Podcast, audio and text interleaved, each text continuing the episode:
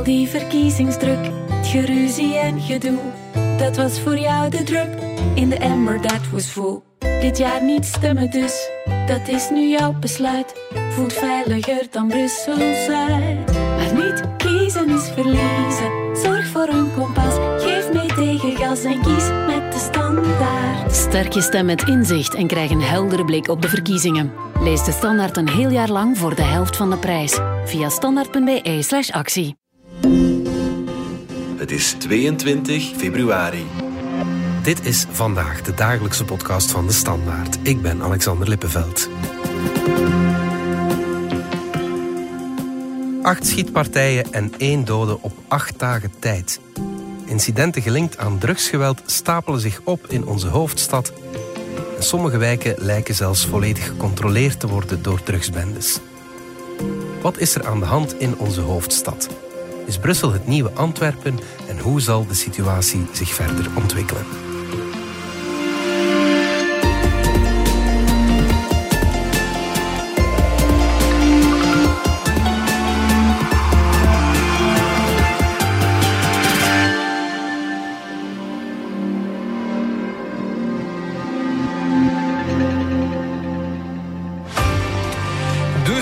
Fusillades en moins euh, d'une semaine à Bruxelles à 100 mètres de distance. Schietpartijen in Brussel volgen elkaar in snel tempo op. Première, c'était dimanche, dans le quartier de Desmarolles. Elle a fait deux blessés. Gisteravond werd er opnieuw geschoten, deze keer in de gemeente Vorst.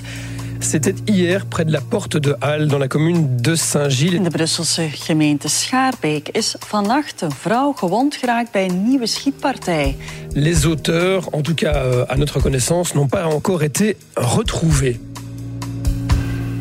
Helene de Beukelaar van onze binnenlandredactie. Er waren de afgelopen dagen een aantal schietpartijen in Brussel. Vertel eens, wat is er gebeurd?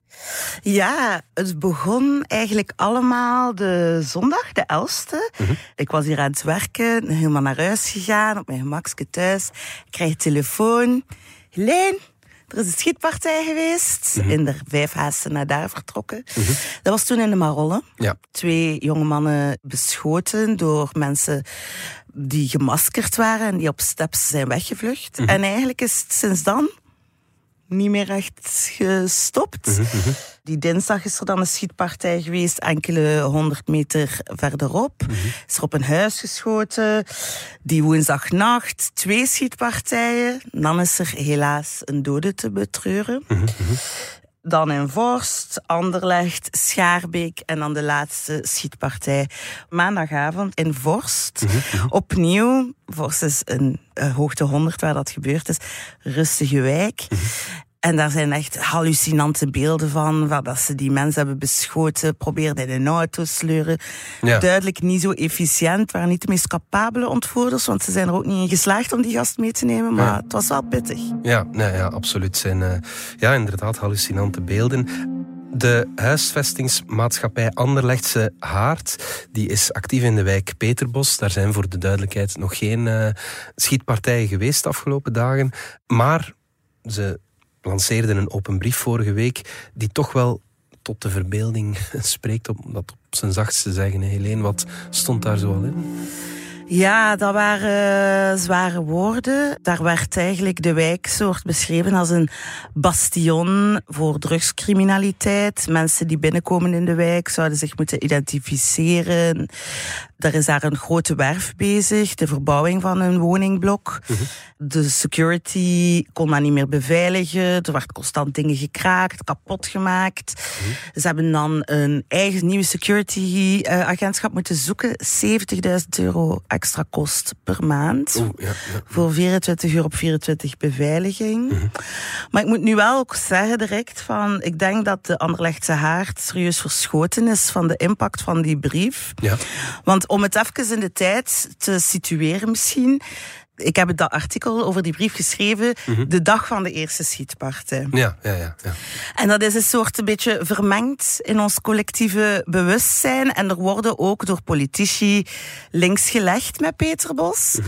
Maar wat er aan de hand is in Peterbos is niet nieuw. Nee. Er is al een grote drugsdossier geweest in Peterbos. Je mogen niet vergeten. Peterbos is de grootste sociale wijk van uh, Brussel, van het land. Ah ja, okay, ja. Daar wonen 3000 mensen mm -hmm. in 18 sociale woningsblokken. Ja. Dat is een wijk die, waar dat er lang niet in geïnvesteerd is. En nu terug wel. Het is zeker geen makkelijke wijk, want je zit natuurlijk met een heel specifiek profiel van mensen die ja. daar wonen. Maar de drugscriminaliteit die daar doorgaat, dat is vooral dealen. Mm -hmm. Die dealers hebben natuurlijk niet graag pottenkijkers nee. van de politie of van instellingen of zo, maar over het algemeen. Ik ben al verschillende keren in Peterbos geweest. Mm. Mensen laten nu maar rust. Hè. Ja. Daar zijn geen schietpartijen geweest. Is daar geen uh, Kalashnikovs elke nacht die aan het weer klinken zijn. Mm. En voor de mensen in Peterbos, die waren wel heel erg verschoten van hoe die aandacht gaan roleren is. Mm -hmm.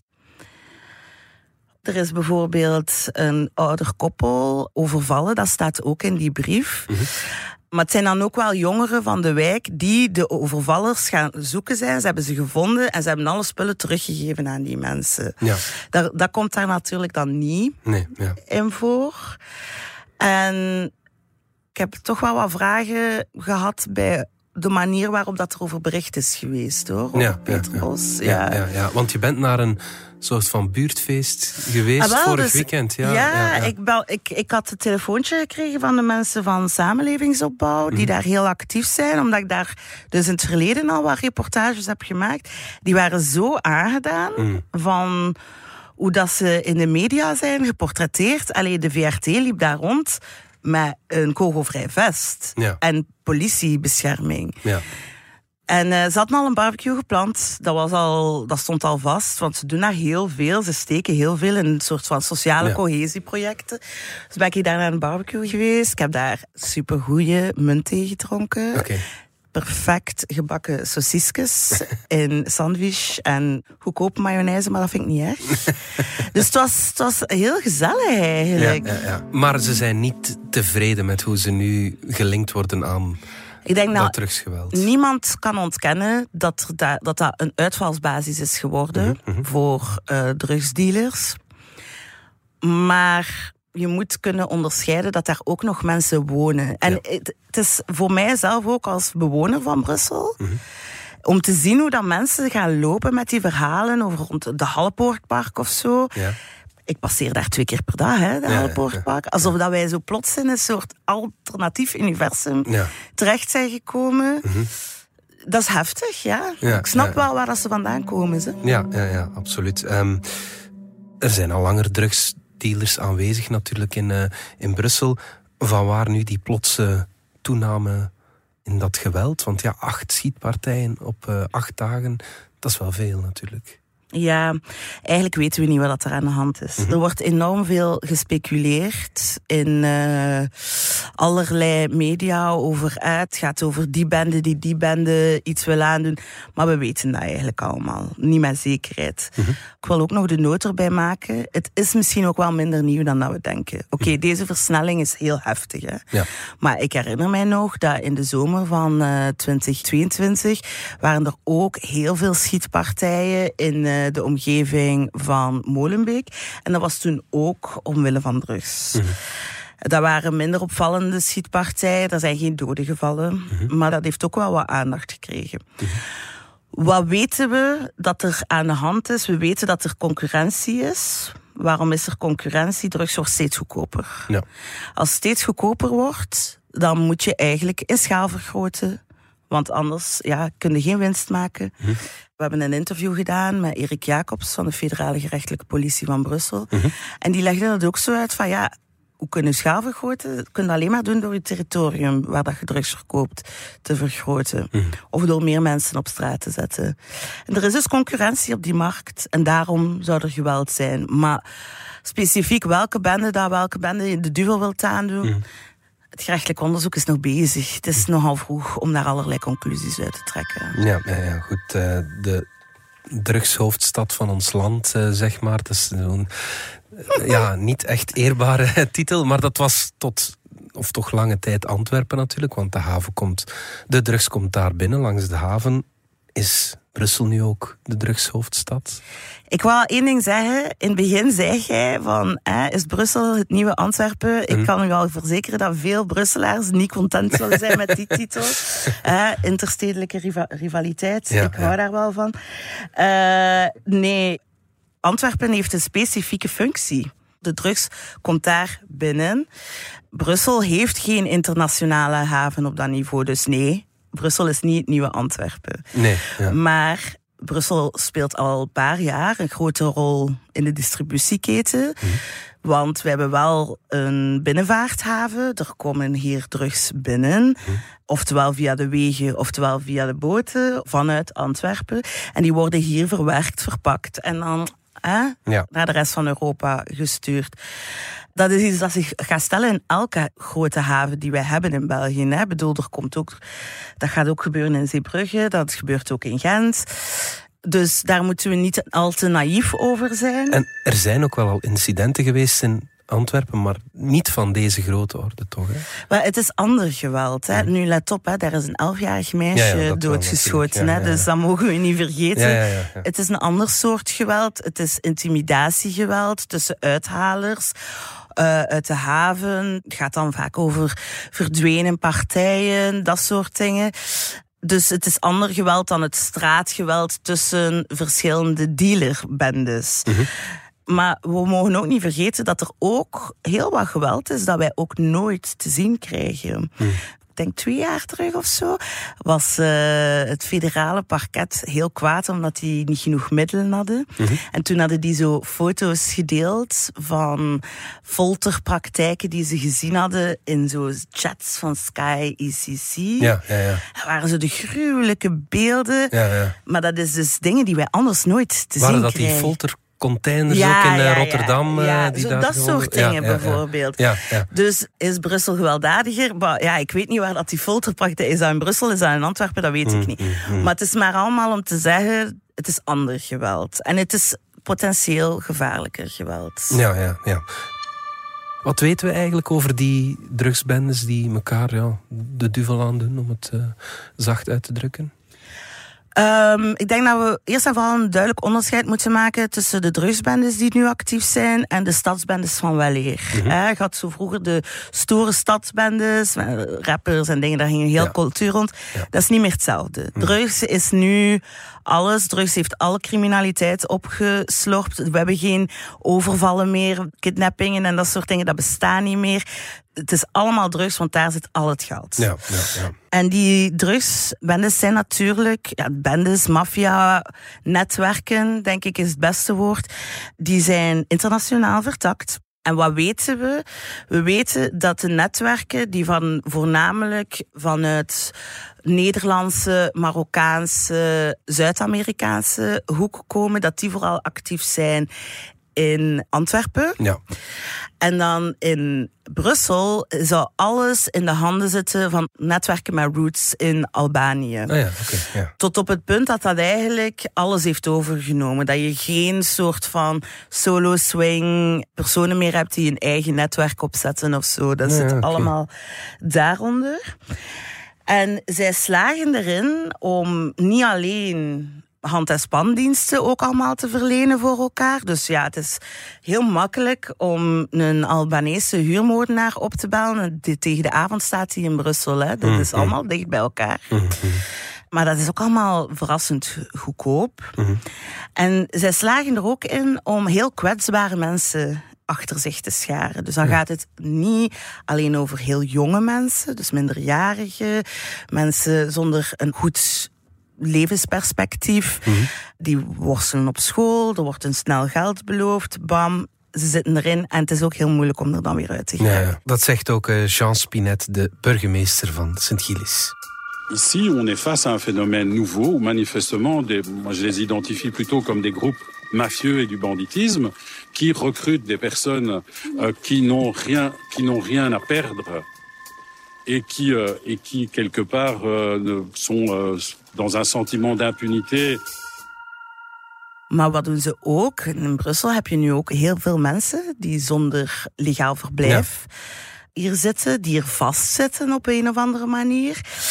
En natuurlijk, ja, die mensen zijn wanhopig. Hè? Mhm. De man die gestorven is, dat was iemand die geen legaal verblijf had in België. Ja. En je kan het, ja, die kunnen niet werken, die kunnen niet op een of andere legale Nee. manier in hun overleven voorzien. Dus ja, Ja. de stap is zeer snel gezet dan. Hè? Ja. En wat, wat doen zij dan zoal? Waar worden zij voor ingezet? Eh, Dealen, hand- en spandiensten, dingen verstoppen. Ja, ik denk dat dat uitkijken. Ja.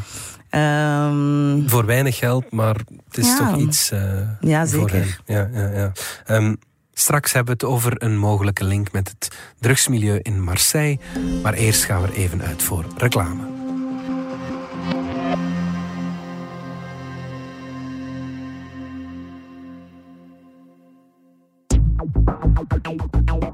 Step je naar de stad? Gebruik je een deelwagen? Parkeer je aan een park-and-ride? Antwerpen maakt zich klaar om te shiften. In de grote ontknoping onderzoek ik, Kat Luiten, hoe het Antwerpen van morgen eruit ziet. De Grote Ontknoping, een podcast van Landis, nu te beluisteren via je favoriete podcast-app.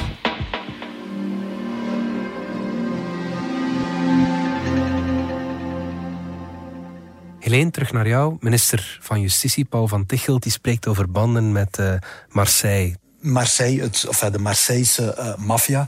Nu, dit is inderdaad niet nieuw. Ook een stad die bekend staat voor ja, drugsfeiten, drugsgeweld. Wat weten we daarover? En is dat een aannemelijke theorie? De Marseille-connectie. ik begin het zo te doen.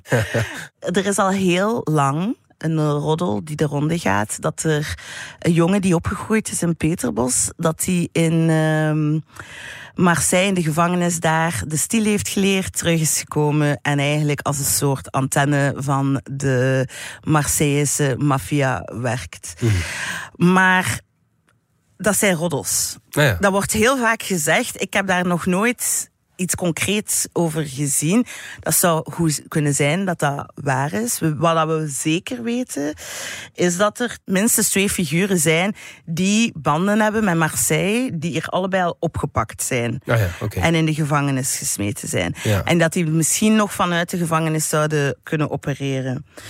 Maar we moeten daar ook voorzichtig mee zijn. Want Le Soir heeft daar vorige week zwaar op gewerkt. En die hebben dus heel rondgebeld in Marseille zelf. En daar bijvoorbeeld vielen ze uit de lucht. Nou ja, oké. ja. Daar was oh, we weten van niets. Ja. Dus de vraag is, ja, is dat, is dat de Marseillese maffia? In Marseille heb je twee grote bendes eigenlijk. Yoda is de ene, DZ-maffia is de andere. Oké, ja. Zijn er vertakkingen daaruit? Dat weten we niet. Nee, ik bedoel, het ding is, ja, internationale drugshandel is internationale drugshandel. Dus je gaat mensen van allerlei landen overal terugvinden.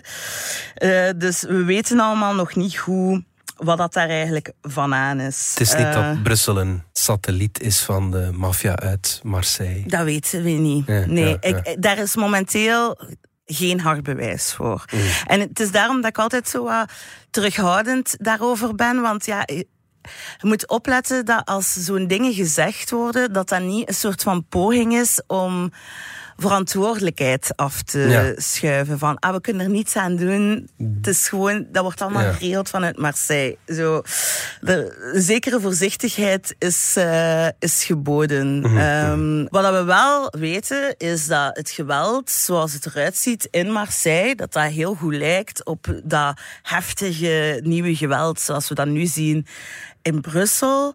Maar ja, goed, dat is ook wat we zagen in de jaren 80 in, in de VS en zo. Allee, Mhm. Ja, ja. Heeft de politie op een manier nog vat op, dat, eh, op die bendes en op dat drugsgeweld om het dan terug over Brussel te hebben? Maar je kunt het op twee manieren bekijken. Mhm. Sowieso hebben ze er geen vat op, anders worden er geen mensen doodgeschoten. Ja. Zo simpel is het. Anders eh, zie, wordt er niet op klaarlichte dag gedeeld en dat soort dingen. Politie kan niet overal zijn. Dat gaat niet. Daar zijn er gewoon te weinig politieagenten voor. Even luisteren naar Jurgen de Landsheer, de korpschef van de politiezone Brussel-Zuid in Ter Zaken. Dus wij doen arrestaties, onze mensen patrouilleren in Peterbos. Dat is geen probleem, maar wij hebben niet de capaciteit om dagdagelijks ons te concentreren op één wijk. Aan de andere kant is het wel zo dat er wel heel veel energie in gestoken wordt. Mijn collega Mark Eekhout heeft uh, vorige week nog een, een, artikel geschreven over waar dat de federale politie een energie in steekt. 25% van de onderzoeken van de federale politie zijn drugsonderzoeken. Oké, ja, ja, ja. Ook lokaal, ik woon in Vorst, vlakbij Sint-Gilles. Ik bedoel, ik zie de politie, hè? ik Ja. zie blauw op straat. Het is Ja. zeker niet dat je zo door God en klein piertje verlaten voelt of Ja, zo. Hè? ja, ja. Maar ik snap ook wel dat het gevoel van mensen van ah, ze laten hier maar begaan. Want het is waar, die, die drugshandel is heel zichtbaar. Het was een interessant moment vorige week. Was er dus die presentatie van de federale politie. En toen zei minister Van Tichelt... Er zijn nog nooit zoveel politieagenten geweest. En dat is gewoon ook waar. Maar daar staat dan wel tegenover dat je met een wereldhandel zit die zo immens lucratief is. Ik weet het niet of dat je dat kan inhalen. Mm, mm. Ik weet niet of dat je daar ooit voorbij kunt geraken. Ja. Zolang dat er een markt is, Maar we kunnen die strijd toch ook niet opgeven? ik zeg niet dat je hem moet opgeven, hè? zeker niet. Er zijn dan mensen die pleiten voor legalisering. Zij- En dan is het argument van, ah ja, als je dat legaliseert, dan gaat de politie niet al die energie moeten verspillen in het natrekken van drugs en dat soort dingen. Ja, ik weet niet of dat, dat waar is, want een, een legaal systeem zal ook zwarte handel weer hebben. Dus Ja. eh, er zal ook wel weer energie in kruipen. Maar het andere zwarte beeld dat dan geschetst wordt van Peterbos als een no-go-zone waar dat je je kop niet kunt vertonen, Brussel als een levensgevaarlijke stad, dat is ook niet waar. Er zijn geen no-go-wijken, er wordt overal gewerkt. Ten slotte misschien wat dat er vaak gezegd wordt, we gaan van drugshandel, eh drugsonderzoeken een prioriteit maken. En dan een week later ga- wordt er dan gezegd, we gaan van bestrijding van seksueel geweld een prioriteit maken. Ah, we gaan van bestrijding van fiscale fraude een prioriteit. Alles is een prioriteit. Ja. Alles ja. is een prioriteit en als alles een prioriteit is, dan is niets een prioriteit. Minister van eh, Justitie Paul van Tichelt kondigde dinsdag aan op Brus dat er eh, extra versterking komt. Wat de FGP, de Federale Gerechtelijke Politie van Brussel, betreft, ook daar hebben we inspanningen geleverd en komen er eh, 67 inspecteurs eh, bij om die FGP te versterken. De Spoorwegpolitie van Brussel, ook daar hadden we maatregelen beloofd. Ook daar houden we woord. Eh, er zijn 25 inspecteurs bijgekomen om die Spoorwegpolitie in Brussel te versterken. Ja, Helene, was die extra mankracht dan nodig? En vooral, gaat dat een verschil maken? Ja, we hebben wel meer politie nodig. Ja, er zijn posten die openstaan. We hebben ook vooral betere politie nodig. We hebben gespecialiseerde profielen nodig. Mensen die weten hoe dat ze bitcoin moeten nasporen en al dat soort toestanden. En die mensen die gaan gewoon liever in de privésector werken, want dat is beter betaald dan de federale politie. We hebben ook politie nodig die goed samenwerkt, internationaal. We hebben ook meer en betere magistraten nodig. Een Brussels parket dat volledig bestaft is. Dat zou al tof zijn.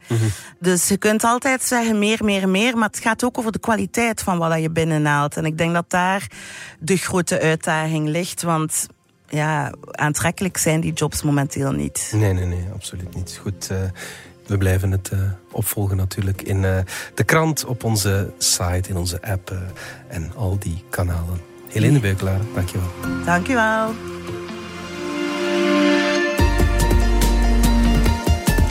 Dit was vandaag de dagelijkse podcast van De Standaard. Bedankt voor het luisteren. Volg ons op Spotify, Apple Podcast of eender welk ander podcastplatform. In onze gratis FDS podcast kan je niet alleen ons werk beluisteren, maar ook de beste podcasttips terugvinden. Alle credits van de podcast die je net hoorde vind je op standaard.be-podcast. Reageren kan via podcast.standaard.be.